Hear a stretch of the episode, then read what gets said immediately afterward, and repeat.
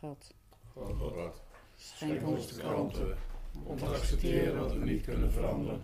De moed om te veranderen wat we kunnen veranderen. En de wijsheid om het verschil te weten. Dankjewel. Nou ja, jongens, drie jaar. Mijn eerste keer dat ik mag spreken. nou, dat ik wil spreken, kan ik beter zeggen. Maar goed, het is. eh, ja, ik ben er wel klaar voor. Eh, ik begin maar met. eh, ja, een beetje vanuit mijn verleden. Ik ben opgegroeid eh, met samen nog met een zusje en een broertje en een vader die een houthandelaar was. En een moeder die echt een moeder de huisvrouw was. En zij, zij zorgde eigenlijk voor de kinderen. En het bevel kwam van mijn vader, laat ik maar zo zeggen. Want zo is het altijd geweest. Mijn vader die bepaalde alles. En dat is eigenlijk... Ik had nooit in de gaten dat ik een iets andere jeugd had als de anderen. In ieder geval de eerste jaren. Daar was ik me helemaal niet van bewust. Maar op een bepaald moment toen, eh, ja, op school en zo kwam je er wel achter. Die vaders die bemoeiden zich op andere manieren met, met eh, hun dochters en zonen. En ik, ik had ook altijd een, een jongen moeten zijn. Dat werd me heel snel verteld. En eh, ja, altijd een beetje geheimzinnig in de familie. Zo van, eh, ja, als je het niet weet, zeg maar, dan eh, kun je er ook niet op aangesproken worden. Beetje dat stiekem achter de ellebogen, zoals ik dat noem. Maar goed, ehm, er schijnt dus heel wat, voordat ik geboren ben, afgespeeld te hebben. Mijn vader is ook een eh alcoholverslaafde geweest dan, want hij is overleden. Maar die, eh, die man die heeft dus ook inderdaad vastgezeten. En er is nooit, er is mij nooit verteld en mijn zus ook niet verteld. En mijn broertje niet. Waarom hij vast heeft gezeten. En ik heb het alleen maar gehoor, van horen zeggen. Nou, dat zijn allemaal dingen die ja, op de achtergrond denk ik toch wel mee hebben gespeeld voor de rest van, eh, ja, van, van de jeugd. Van mijn jeugd in ieder geval. Eh, op de lagere school ging het allemaal nog wel goed. Was ik lekker in een, een veilige omgeving. Eh, alle belangrijke bijeenkomsten, daar werd, was mijn moeder voor ingeschakeld. En mijn vader die was dan de grote boeman die altijd zei hoogst op en niet verder dan dit. En als we bijvoorbeeld thuis kwamen met verhaaltjes van eh, die gingen naar Frankrijk op vakantie, dat kan helemaal niet, want die hebben maar een gewoon baantje, dus die kunnen dat niet. En dan was dat de waarheid. Hij, hij leefde helemaal in zijn waarheid. En dat vond ik best wel heel, eh, heel moeilijk. Ehm, nou ja, toen moest ik op een bepaald moment toch naar een school. En ik mocht niet naar een school in Kampen toe. Ik woonde dan in IJsselmuiden. eh, want in Kampen, daar gebruikten mensen allemaal drugs. Dus ik mocht niet naar een school. Dus ik moest naar zo'n gere- gereformeerde school in IJsselmuiden. En daar stonden ze gewoon van alles te roken in, in, het, in het fietsenhok. Dus eh, dat was, het was minstens zo erg. Maar goed, die man die had daar gewoon vrede mee. Maar voor mij was het een hele omslag. Ik moest in één keer heel andere dingen doen met heel andere leraren die ik helemaal niet leuk vond. Die ook echt boven je uittornen en die je toespraken zodat je echt een, een, een niets was. En op dat moment begon ik eh, erg angst te ontwikkelen. En op het moment wanneer je angst ontwikkelt kun je je dus helemaal niet openstellen voor andere dingen. En bij mij was dat dus vooral eh, wiskunde. Alles wat, waar je zeg maar bij over na moest denken, of tenminste waar een logica in zat, dat, dat kon bij mij niet in. En ik, op dat moment begon ik een soort van vluchtgedrag te, te creëren. Als dan een raam open was en er kwam een leraar kwam naar me toe, dan dacht ik echt van, nee, als hij nou te dicht bij me komt, dan ga ik zo dat- via dat plafond van het ene naar het andere ding en dan vlieg ik zo het raam uit, ben ik weg. En dat is vluchtgedrag. En ik heb er lang over nagedacht, want vluchtgedrag, zeggen ze altijd van ja, dat is raar, maar een dier nou, die vertoont ook vluchtgedrag. En dat is helemaal niet raar. Het wordt pas raar wanneer het regelmatig gebeurt. En ik merkte wel, dat heb ik vooral uit het schrijven eh, geleerd, dat ik dat eh, best wel vaak ging doen op een bepaald moment. Dat ik eh, voelde me overal bedreigd. Na de, MAVO was ik verplicht om werk te zoeken. Want mijn vader die had al uitgemaakt dat ik te dom was om voor de duvel te dansen. En ik moest maar iets in het huishouden gaan doen. En die nam op een bepaald moment nam die me gewoon mee. Hij, hij zegt, stap maar eens even in de auto en hij zet me af bij een uh, fruitbedrijf waar ze vijf kinderen of zo hadden lopen. En hij zegt van, nou hier heb je je hulpje. En dat was dus net de druppel. En uh, toen kwam ik dus in, in verzet. Ik heb gezegd, dat gebeurt niet. En ik heb het zodanig duidelijk gemaakt daar, dus dat ik dat niet van plan was, dat mijn vader me in de auto heeft gegooid, letterlijk. En die heeft in eerste instantie helemaal niks gezegd. En toen we thuis kwamen, beriest me als ik weet niet wat, hij was hartstikke over de rooien. Maar dat was dus, wat ik achteraf besef, dat was bij mij, ja, het knopje dat bij mij omging, zeg maar. Dat ik dacht van ja, maar zover, tot zover en verder ga ik niet. Hij had me heel mijn leven tot dusver altijd alles bepaald. Ik paste al op toen ik 9, jaar, 9 of 10 jaar was bij uh, een, uh, een, man die bij mijn vader werkte. En ik ging erheen omdat het moest. Maar ik heb daar zo'n fijne tijd gehad. Uh, ze deden alles voor me. Ik kreeg nog geld voor het oppassen ook. En ik mocht vriendjes, vriendinnetjes ontvangen. Het mocht allemaal. Maar als je goed nagaat, negen of tien jaar en dan oppassen op, op, een, op baby's. Dat, dat waren echt nog gewoon baby's. En ze kwamen zelf dan rond een uur of twee, drie thuis. Nou ja, grote familie, heel veel feestjes. Heel veel alcohol, om het maar zo te zeggen. En de allereerste keer dat ik dus zelf met iets met alcohol in uh, te maken kreeg, was dat ik enorme kiespijn kreeg. En dat had ik al een paar dagen, maar ik durfde niet te zeggen. Want ik was al vanaf dat ik op de lagere school moest naar de tandarts toe. En dan kreeg je die schooltandartsen. En dan, ik had altijd gaatjes. En dan, oh, ik zag er tegenop. En dan ja, mijn achternaam begint dus met een R. En dat betekent dat je achter in het alfabet zit. Dus je ziet al die kinderen voor je gaan. En dan was je dan aan de beurt.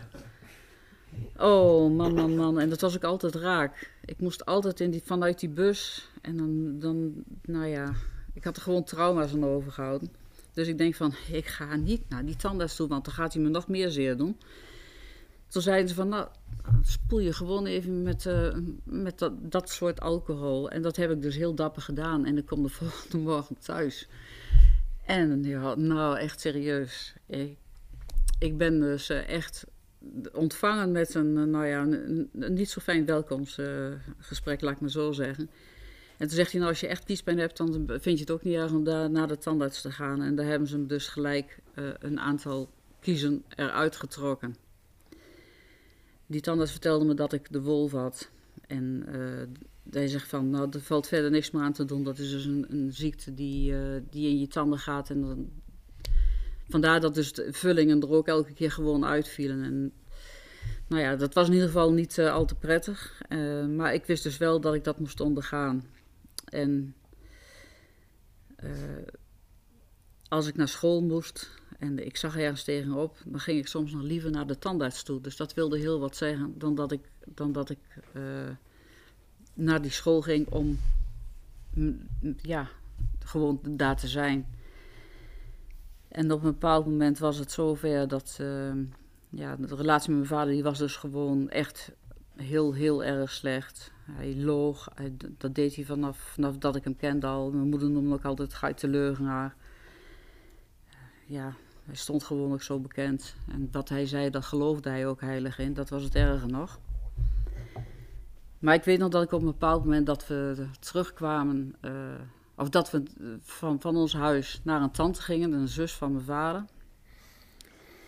En dan heeft hij waarschijnlijk weer iets naast meegemaakt en dan moest ik dat weer bezuren. En toen zegt hij in één keer tegen mij van, en als je maar wel weet dat je zelf dat, als jij, je moet straks een kunstgebied, jij betaalt hem zelf.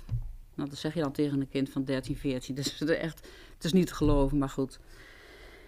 Uh, nou ja, dat zijn dus praktijken die hij deed. En dan mijn tante die kwam er wel in verweer. En die, die, uh, die zag dan naar mij dat wat aan de hand was. En dan uh, kreeg hij weer op zijn sotomieter.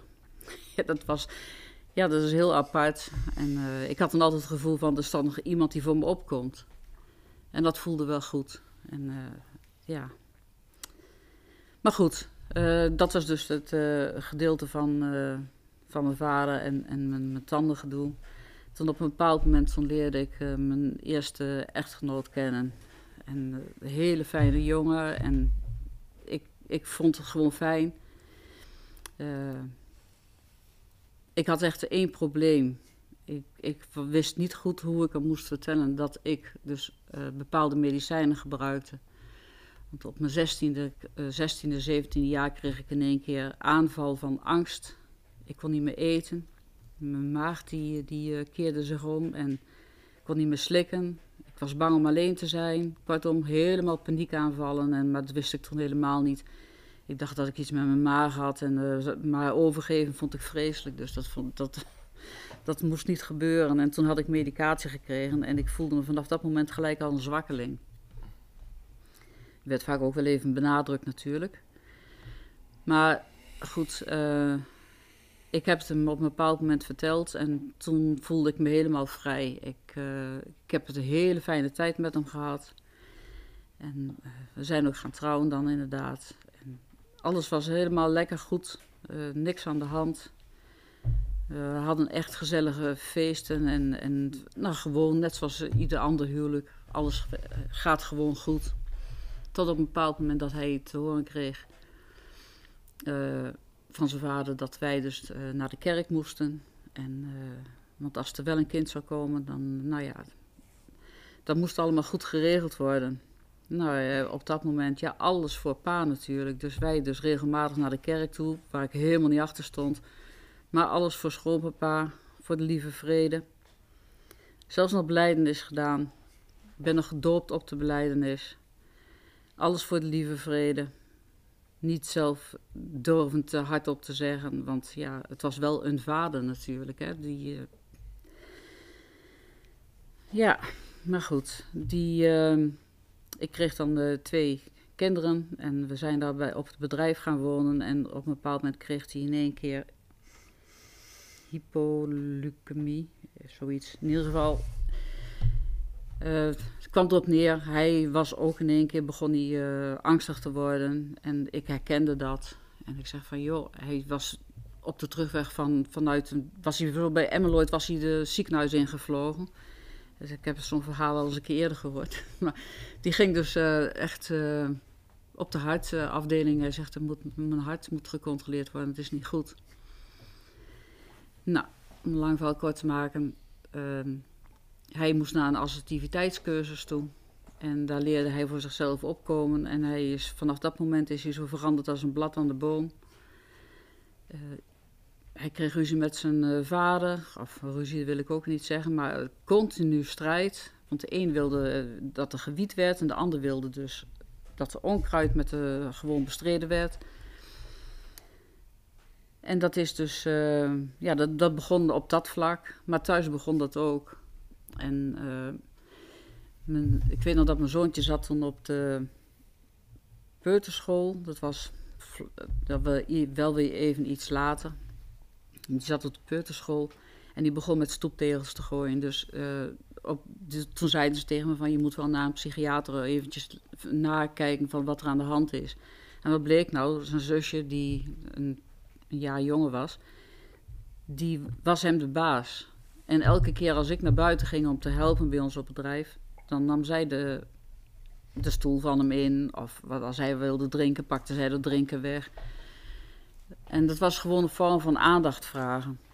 En toen kreeg ik te horen, ik moest meer in huis zijn om hem te begeleiden, want anders zou hij eronder gaan lijden. En toen begon de strijd pas echt. Want toen kwamen ze mijn kinderen. En dat is echt, dat was echt, ja, de limiet, zeg maar, voor mij.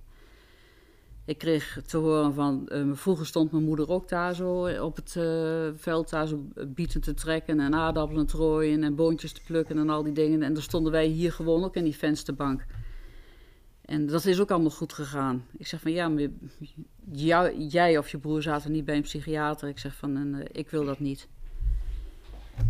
ik kreeg hoe langer hoe meer migraine. En ik moest langer meer weer van die medicatie gebruiken, waar ik dus in de zwangerschap allemaal van af was. Uh, ik begon ook meer uh, te drinken. En dat ben ik, daar ben ik pas eigenlijk bewust van geworden door het schrijven. Want dan ga je elke keer weer terug in de tijd en waar komt dat vandaan? En daar is eigenlijk de oorsprong begonnen van dat ik echt denk van, ja, bij problemen zag ik dat als een oplossing, ook als een vluchtmiddel dus eigenlijk. Nou ja, dat heeft dus uh, mijn relatie gekost.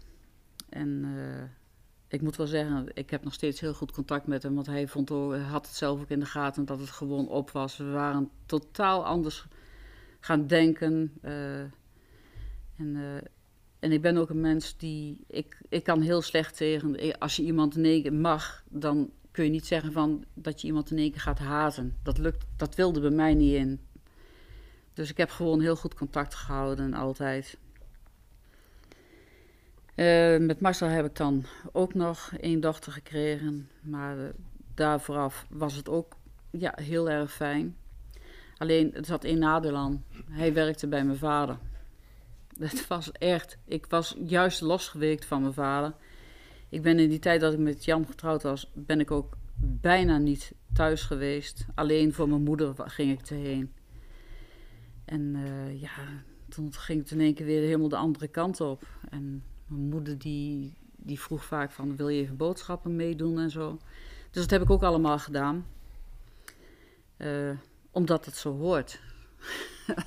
ja, dat klinkt allemaal zo heel lullig, maar het, ja, het voelde voor mij ook gewoon zo dat het, uh, dat, dat moest. Nou, ze kreeg kanker en uh, nou ja, al de nodige spanning die daar weer bij zat, allemaal weer een reden om meer te gaan gebruiken. En dat werd steeds meer en meer en meer. Maar ze werd ontslagen door mijn vader. Hij deed weer precies hetzelfde wat hij altijd heeft gedaan: uh, liegen, bedriegen, nou ja, dat, dat, is ook een heel verhaal. Maar in ieder geval, uh, dat was de opbouw van mijn, uh, van mijn spanning, zeg maar. Wat, ik, wat mij heeft doen aanzetten dat ik merkte dat ik ging vluchten in, in alcohol. En tezamen met die medicatie, die ik nog steeds elke keer dapper door mocht blijven gebruiken. Toen was het waarschijnlijk nog helemaal niet bekend dat het zo verslavend was. Ik had er zelf ook geen, geen benul van. Maar ik heb het altijd gebruikt buiten de zwangerschappen om. Het is heel apart. Dan kan ik het wel. En ook geen alcohol, ook niet. Maar op een bepaald moment werd het echt, uh, liep het de spuigaten uit. En ik kreeg een auto-ongeluk. En in 2001 was dat, kerst, rond de kerst. En dat was buiten mijn schuld om. Maar ik ben wel een te aantal keer over de kop geslagen en uh, in de sloot beland. En dat, uh, dat, was heel apart, want ik had een, een, fles alcohol in de auto. Die had ik gekocht voor die tijd. En die was als enige met de paraplu van mijn moeder. Uh, mijn moeder was inmiddels dus overleden. En ik had haar getrokken met Sinterklaas. Dus kinderen mogen niet meeluisteren. Uh, dat cadeautje had ik nog in de auto, want ik had haar getrokken. En uh, ik had een, uh, een hele fleurige paraplu voor haar gekocht. En het was een beetje het enige wat uit de auto is gekomen. En toen ik de volgende dag bij de dokter zat, dat ik nog moest voor controle daarheen moest, toen zei die man ook van, je hebt echt een engeltje op je schouder. En ik, ik er ook zo uit, ja, dat was mijn moeder. En ik had op dat moment echt het be, benul besef dat er iets groters was dan mij. Dat er, ik wist altijd al, ik zat altijd te, te handelen met horoscopen. Ik had mijn horoscoop ook laten berekenen en al die dingen meer. Maar vanaf dat moment had ik echt bewust het gevoel dat, er, dat ze gewoon bij me was op een of andere manier. Dat zij ervoor zorgde dat, ik, dat me niks overkomen was. Want die auto lag echt helemaal in de prak, was afgesleept, er was niks meer mee te doen. En ik kon alles nog herinneren van hoe het ongeluk gebeurd is. En ja, dat dus, ja, dat, dat was mijn eerste besef van dat er, dat er iets was, iets groters was. En ik weet nog een, een jaar nadat ze overleden was, kwam er, zat ik ook gewoon buiten en uh, er kwam zo'n vlinder, die kwam eraan en die ging echt bij me zitten. En ik zei, ik zei zo uit de gein, of uit de gein, nee, het, dat was eigenlijk helemaal geen gein. Ik zei gewoon uit een emotie van, dit is mijn moeder. En in eerste instantie zaten ze me dom aan te kijken en begonnen wat te lachen. Maar het heeft er toch wel wat gedaan. Omdat ik dus gewoon heel serieus bleef kijken, denk ik. En uh, vanaf dat moment het elke keer als een vlinder zagen, zei ze van, dat is je moeder. Je hebt wel veel moeders op het moment om je heen. Ik zeg van, ja, dat geeft mij niet. Ik zeg van, jullie mogen lachen wat je wil. Hè, het, het kwam mij op dat moment heel gewoon voor. En uh, dat was ook een moment wat ik in. Ik was dus net in de kliniek. En toen zag ik in één keer, het was dus in maart, een struik met allemaal vlinders. Nou, in maart, allemaal vlinders. Ik keek naar buiten en dacht echt gelijk van, ik zit hier op de goede plek, jongens. Dat is serieus, dat is echt zo... Ik denk, voordat ik dat vergeet, dat is heel belangrijk, voor mij in ieder geval.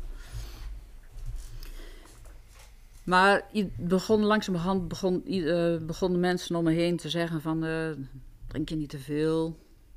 Dan zei ik van, valt wel mee. Maar iedereen begon hoe langer hoe meer. En ik dacht ook van, nou, wat lullen ze nou, man. Het valt allemaal best nog wel mee. En op een bepaald moment nam ik uh, de stap om gewoon zelf eens een keer te gaan stoppen. En ik denk, nou, ik doe dat gewoon voor een jaar. Ik heb dat ook een keer gered met roken en uh, dat doe ik nou ook gewoon.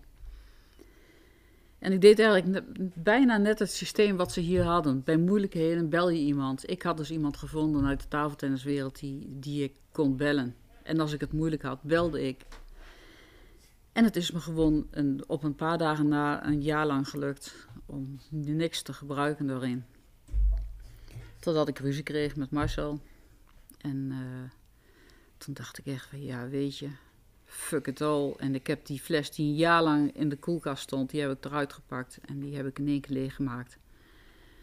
En de volgende erachteraan. En ik denk, nou ja, ik zie volgende week wel weer. Komt wel goed. Dan doe ik het gewoon, begin ik gewoon weer opnieuw. Want ik voelde me dat jaar eigenlijk best wel goed. Maar na die week, jongens, dat kon gewoon niet. Ik kon gewoon echt niet. Ik kon niet stappen. En wat ik ook deed, ik kon gewoon niet stoppen. Echt, ik, dan s'morgens dan dacht ik van, ik ga nu niks halen vandaag, helemaal niks. En dan om een uur of half vier, dan stond, ging ik weer in de auto en zat de hond naast me. En dan zat ik weer te vloeken en dan wist die hond, die ging dan helemaal zo. Dacht ik echt, ja, oh man, ik voel me vreselijk. En vanaf dat moment dacht ik echt van, kijk, mijn vader heeft toch gelijk. Ik, ik, ik kan niks, ik kan, ik kan er gewoon niet aan vanaf blijven. Dus ik voelde me gewoon hoe langer, hoe slechter en slechter worden. En uh, in plaats van minder uh, ging ik juist meer gebruiken. En uh, ik kreeg blackouts en ik deed de domste dingen. Trok zo een, een, een, wasmachine open, dat al het water zo woeps over de vloer heen sotomieten. De, vraag niet hoe ik het voor elkaar heb gekregen, maar het lukte me wel. ja, echt. En ik heb wel om me heen gekeken waar ik heen moest. Op een bepaald moment naar de dokter toe. Die verwees me door naar de GGD. Die heeft één goed ding heeft ze wel gedaan. Uh, ik moest gaan schrijven over, uh, over mijn vader. Want ze merkte dat dat mij hoog zat. En toen zegt ze, en als je wat geschreven hebt, moet je ermee naar je zus en naar je broer toe gaan. Dat is het enige positieve wat ik ervan op heb gestoken, dat daar eigenlijk wel iets mis zat. Maar voor de rest, als iemand tegen je zegt van ja, je moet proberen te minderen, ja, dat, dat, dat lukte dus niet. Ik deed de eerste maand heel keurig mijn best en dat ging ook prima. Maar daarna denk ik, ja, fuck you, helemaal, dat doe ik niet. Uh, het lukte gewoon niet. Het trok en het trok en het trok me ramen, dus ik, uh, dat lukte niet. En toen dacht ik echt van ja, niks. Wat, wat is er nu nog wat mij kan helpen? Ik, ik wist het echt niet. Helemaal, ik wist echt helemaal geen raad. En het interesseerde me op een bepaald moment ook helemaal niet meer. ik moest gewoon genoeg uh, naar binnen werken om dat rotgevoel weg te krijgen. En uh, het smaakte helemaal niet, joh. En oh, die laatste keer ook, joh. Dan, ik had bijna een fles nodig om, om, om het gevoel om die smaak niet meer te proeven. Dat was echt te gek om over te praten. Maar hoe kun nagaan? En dan uh, kom, je, kom je bij uh, later toe en dan zeg je van... Nee, mijn leven was niet onhanteerbaar. Man, man, man. Hoe dan? Serieus. Maar, ja... Um, op een bepaald moment uh, interesseerde me echt helemaal niks meer. Ik had tot, tot dan helemaal nog niet, nog nooit met alcohol opgereden. Wel met medicijnen, in de veronderstelling dat er geen kwaad kon. Hoe krom, hoe krom. Uh, ik ging, vlog naar hotels. En er was in één keer was er dan waarschijnlijk niemand thuis. Nooit vanuit dat punt bekeken, maar ik moest weg. Maar ik wist niet waarom. En ook niet om meer te gebruiken, maar gewoon, ik moest weg. Ik wist ook niet waarom, zo'n onrust. Ik wist me geen raad. En ondertussen uh, thuis, ik kon, ik kon niet eens meer rechtop, uh, niet gewoon zitten. Ik moest echt helemaal op mijn linker, de linkerkant, dat mijn rechterkant helemaal gestrekt was. Mijn leven deed zeer, alles deed zeer, mijn maag deed zeer, mijn keel deed zeer. Soms kon ik gewoon bijna niet slikken. En maar doorgaan en niet weten hoe. En ik had het echt opgegeven. Ik denk van het is voorbij, het is gebeurd. En uh, toen begon iemand een keer over een kliniek. En toen dacht ik van, wat een kliniek, alsjeblieft. En ook die angst dan van, hè, dat kan ik nooit meer gebruiken. Ik denk van ja, maar dat ja, dat was wel heel fijn. En dat had ik wel als voorbeeld. En ik denk van, nou, als dit me helpt, dan, dan, uh, ik ga ervoor. Dus ik ben naar die kliniek gegaan. Ik vond daar een strafkamp. Er werd me van alles verteld. Dat ik een slechte moeder was. Uh, nou ja, bleek achteraf van, hè, je moet dan zien van, dit is de verslaafde Engelina en dat is de, hè, de, de andere Engelina die nu gaat uh, worden. Nou, ik vond dat heel moeilijk. Alleen het eten vond ik dat super, maar dat was dan, was dan ook het enige. Die sessies vond ik ook vreselijk. Die verplichte. Nee. Maar goed. Uh, ik heb er ontzettend veel geleerd. En toen ik daarheen reed, toen heb ik me voorgenomen: als dit mij helpt, wil ik meer mensen helpen. En ik ben eruit gekomen en uh, ik dacht van, joepie. Het is gebeurd. Ik heb het gered. Ze hadden me op het hart gedrukt. Ik moest naar NA. En zo geschieden. Ik ben de volgende dag gelijk naar NA gegaan en wel hier. En de eerste meeting was daar bij die paal. Zaten we met vier man. Ik denk, zo. Dat was even een afgang. Want ik denk, ik kan mijn snor niet drukken. En toen kreeg ik te horen, uh, ik moest naar NA voor dat 12-stappen-programma en uh, ik moest een sponsor. Dat was de opdracht. En ik was heel blij dat Marcel ook uh, bij dat laatste gesprek was. Want hij had te horen gekregen: als ze niet naar een meeting wil, geef je maar een schop onder de reet. Ze moet naar die meeting. Dus ik had gezegd: ik ga drie keer in de week naar een meeting en dat is meer dan genoeg. Nou, dat gebeurde al heel snel niet meer. Want ik ging daarna om dat briefje op te halen waar die twaalf stappen op stonden, om dat eventjes in te vullen en klaar te maken. En dan was ik, was ik, was het klaar. Ja, ik had totaal geen idee wat het allemaal inhield. Uh, dat is me echt na een jaar pas duidelijk geworden, want het was te groot om te overzien. En uh, ja, dan ben ik wel op een zijspoor geraakt en dan, dan ben ik de hoofdweg kwijt. Even denken. Even een slokje.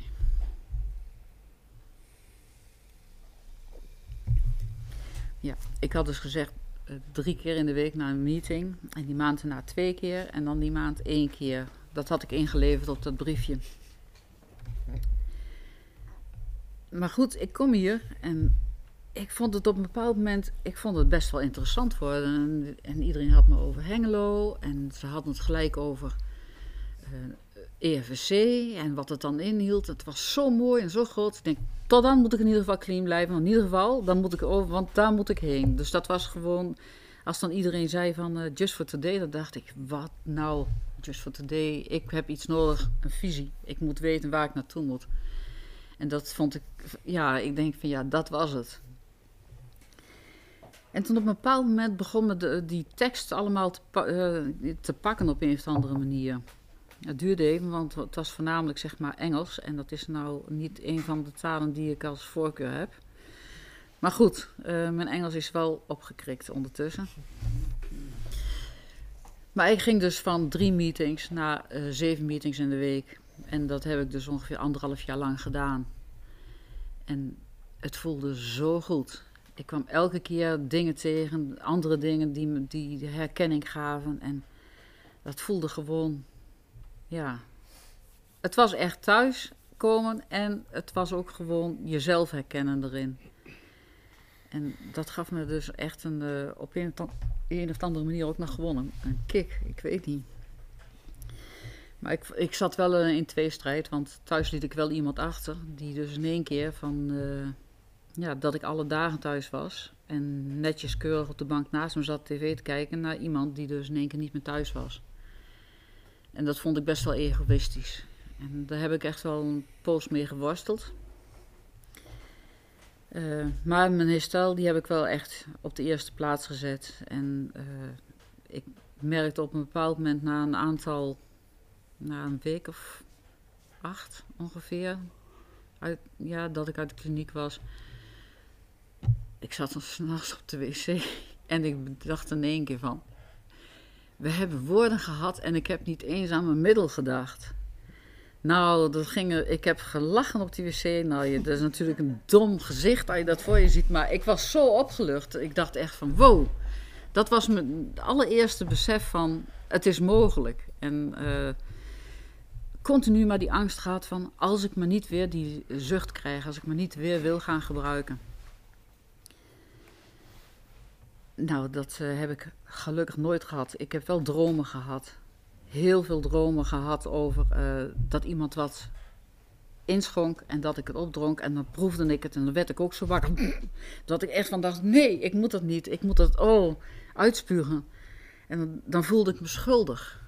Dan, dan, dacht ik echt, had ik bijna het gevoel dat ik het gedaan had. Dat was echt, was heel erg. Maar dat verdween ook gelukkig weer op een bepaald moment. Dat, was, uh, ja, dat, dat, waren niet de, de, fijne dingen en dat hoor ik ook vaak terug. Um, ja, nou ja, elke keer kwam er weer iets bij en uh, ik, ik bleef eigenlijk voor mijn gevoel continu, uh, had ik het gevoel dat mijn hogere macht, want heel veel mensen hebben problemen met die hogere macht en dat had ik dus helemaal niet. net als ik kwam uit de kliniek en ik wist, ik had te horen gekregen, het is een ziekte. Dat vond ik heel fijn om te horen, dat was een opluchting. En uh, ik had het gelijk geaccepteerd. Er was ook helemaal niks, er valt niks tegen in te brengen. En mijn hoge macht die heeft ervoor gezorgd dat ik naar die kliniek ging en daarna naar een A. En dat, daar ben ik tot op de dag van vandaag ben ik er nog steeds van overtuigd. En ik word elke keer word ik, als ik weer, als ik denk van, hé, hey, dat zou wel eens een goed idee zijn. Hè? Ik dacht op een bepaald moment, nou, ik hoef ook niet meer zoveel naar meetings toe. Uh, langzamerhand één keer in de week, één keer in twee weken is ook wel genoeg. En dan prompt kwam er iemand bij ons binnen en die was ook al een aantal jaren clean geweest. En die, die was ook teruggevallen. En dat zijn elke keer van die tekens. Ik denk dan echt dat mijn hoge macht aan de bel trekt en dat hij denkt van, dat moet je niet doen. En door daarna te blijven luisteren, zeg maar, dat, uh, ja, daar ben ik van overtuigd. Want net zoals dat ik overtuigd was dat ik dus geen onhanteerbaar leven had. Uh, dat ik pas na een jaar dat ik het dat vol in besef kwam dat ik, dat ik dus zo onhanteerbaar leven had dat het niet meer normaal was. Maar ja, dat heeft me dus uh, ja, elke keer nog steeds hoor. Ik zie nu ook elke keer als we nog weer iets lezen, dan, dan, dan pakt me iets en dat brengt me weer terug. En dan denk ik echt van, ja jongens, uh, ik heb het nooit alleen gekund. Nou, op de dag van vandaag, uh, ik pak nu nog zo'n uh, drie meetings. En ik voel me hartstikke goed. Ik heb in, in het begin heel erg veel problemen gehad met de opdrachten die ze dan zeiden, zoals het schrijven. Dan dacht ik, waar moet je over schrijven? Ik zag het nut er niet van in. Ik ben het toch gaan doen. En eigenlijk hierdoor ben ik erachter gekomen dat alle ellende eigenlijk is begonnen eigenlijk bij mijn vader. Mijn eerste sponsor die, die liet me ook schrijven erover. En ik weet nog dat als ik het woord vader in de mond nam, dat ik alweer begon te janken. Ik kon het woord vader niet gewoon zeggen. Ik had er zo'n emoties bij. Er zat zoveel ellende. En ik moest die, die zware steen moest ik van die put afhalen. En ik zei elke keer, ik wil niet dat er in die stront geroerd wordt. Maar het is wel gebeurd en het heeft mij ontzettend geholpen. Uh, voor mij ging er een wereld open. Ik merkte nu ook waarom ik er heel slecht tegen kon als mensen van bovenaf tegen mij praten over van gebiedende wijs en de stemverheffing. Mensen die liegen. Ik kan er nog steeds, daar kan ik nog steeds heel slecht tegen. Maar ja. Maar die stemverheffing, dat herken ik heel erg. En ik kon het onder plaats geven. En ik heb geleerd dat mijn vader ook een verslaafde was. Alleen ik heb het geluk gehad dat ik in herstel kon. En hij is wel gestopt, maar hij heeft zijn gedrag nooit veranderd. Uh, hij was en bleef een egoïst tot het laatste toe. En uh, ja, dat, dat zijn dingen. Ik mag dan gewoon dankbaar zijn dat ik die kans heb gehad en hij niet. En uh, ja. En dat leren accepteren heeft voor mij in ieder geval gezorgd dat, dat ik. Uh, dat en tegelijk zeg maar zelfacceptatie krijgen dat ik, dat ik ook goed ben. Dat, dat ik goed genoeg ben en ik hoef me niet minder te voelen. En mijn stem telt ook. En dat, dat was langzamerhand weg. En ik was, vroeger was ik opgewekt. En dat, dat was ik helemaal kwijt. En ik had dus echt, nadat ik dus uh, een paar maanden hier zat, PNA, had ik echt het gevoel van dat ik mezelf weer terug uh, had gevonden. Ik was morgens vroeg, ben ik gelijk vrolijk. En ik hoef niet meer te gebruiken, ik hoef niks meer te regelen. Ik kreeg rust in mezelf. Uh, eerst al rust van het niet meer hoeven te halen. En daarna kreeg ik echt een innerlijke rust. En die heb ik tot op de dag van vandaag nog steeds. En ik, dingen groot te maken, dat was ook een van mijn grootste hobby's. Ik kon echt, dat, zoals nu ook, ik, ik kan het nu handelen, om, puur omdat ik, uh, dit, dat ik nu aan het praten ben. Uh, puur omdat ik het continu niet groter ga maken. Ik ben bewust, ben ik het aan het afschalen. Ik kan hooguit ja, dichtklappen. Nou, en zo wat. Dan vergaat de wereld niet. En dat zijn allemaal kleine dingetjes die ik mezelf heb aangeleerd. En zo nu dan kost het wat moeite. Maar dat geeft niet. Het werkt in ieder geval. En sterker nog, uh, de angst die ik had uh, opgebouwd van vroeger uit de, voor telefoon opnemen, dat is dus helemaal omgedraaid. Ik, ik doe nu callcenterwerk. dat, is, dat is heel apart. Terwijl ik vroeger, als ik de telefoon opnam, dan hoorde ik alleen maar een piep. En uh, ik, ja, ik kreeg altijd op mijn sotomieter dat ik het niet goed had verstaan. Met als gevolg, de volgende telefoon maakte ik me nog zenuwachtiger. En ik heb gewoon de zo'n angst door opgebouwd. Maar goed, dat, uh, dat heb ik allemaal weer geleerd. En uh, ja, ondertussen ben ik dus gewoon weer echt een, een, een lid van de maatschappij geworden. Uh, ik gebruikte mijn middel ook uh, om pijn weg te werken. Dat was in het begin wel afzien. Want ik kon in één keer een stuk minder. maar goed, ik heb leren luisteren naar mijn lichaam en daar ben ik ontzettend blij mee. En dat is gewoon goud waard. Ik weet nu wanneer, het, wanneer ik stop moet zeggen, aan de bel moet trekken en zeggen van nou is het genoeg, nu doe ik het even niet meer. Uh, dat zijn allemaal dingen die ik gewoon echt aan NA te danken heb. Dat zijn, uh, ja. En dat was nou het laatste dat ik nog wil vertellen van... Ze zeiden ook in het begin, een nieuwe manier van leven. En dan dacht ik, zo te niet erop man, ik heb een prima leven. Er hoeft, ik hoef geen nieuwe manier van leven. Maar ik wist totaal niet wat het inhield. En als ik dat nu, nu dan terugzie, zoals ik nu leef ik kan me niet meer opwinden over wat er in de wereld gaat gebeuren 1, 2, 3. Ik bedoel, ik ben er machteloos over. Ik heb niet geleerd dat ik alleen machteloos over mij ben, maar over heel veel andere dingen. En dat toepassen en leren loslaten, dat geeft een uh, enorme opluchting en een, en een enorme rust. En ik zal ongetwijfeld vast nog wel eens tegen dingetjes aan gaan lopen die, die, waar ik ook in één keer klem kom. Maar dan zie ik dan maar ook maar weer als dat ik, ja, een beproeving. Hè? Ik heb gordelroos gehad met een. Uh, voorafgaande aan die gordelroos uh, heb ik uh, hier een beetje gesotomieten gehad, om het maar zo te zeggen. En ik heb daarna ben ik ook 14 dagen heeft niemand mij gebeld. niemand ook een ja, één keer iemand heeft mij gebeld. dat was een dag na dat gesodemieter. En daarna hoorde ik niks meer. En hun wisten niet dat ik gordelrozen had. En dat is enorm pijnlijk, dat kan ik jullie wel vertellen. En ik heb met mijn, uh, met mijn huidige sponsor toen er ook echt over gehad van of ik weg zou gaan of niet. En ik stond eigenlijk al zo goed als klaar uh, om inderdaad te vertrekken. Maar iets hield mij tegen en dat is van gerechtigheid. Ik had het gevoel dat er iets was gezegd, er was er iets afgesproken en dat, dat ging in één keer waarschijnlijk veranderen.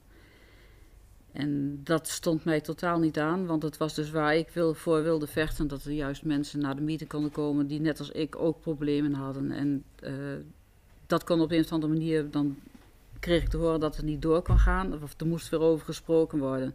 En ik had zoiets van, nee, we hebben het afgesproken, klaar. Geen gelul, klaar.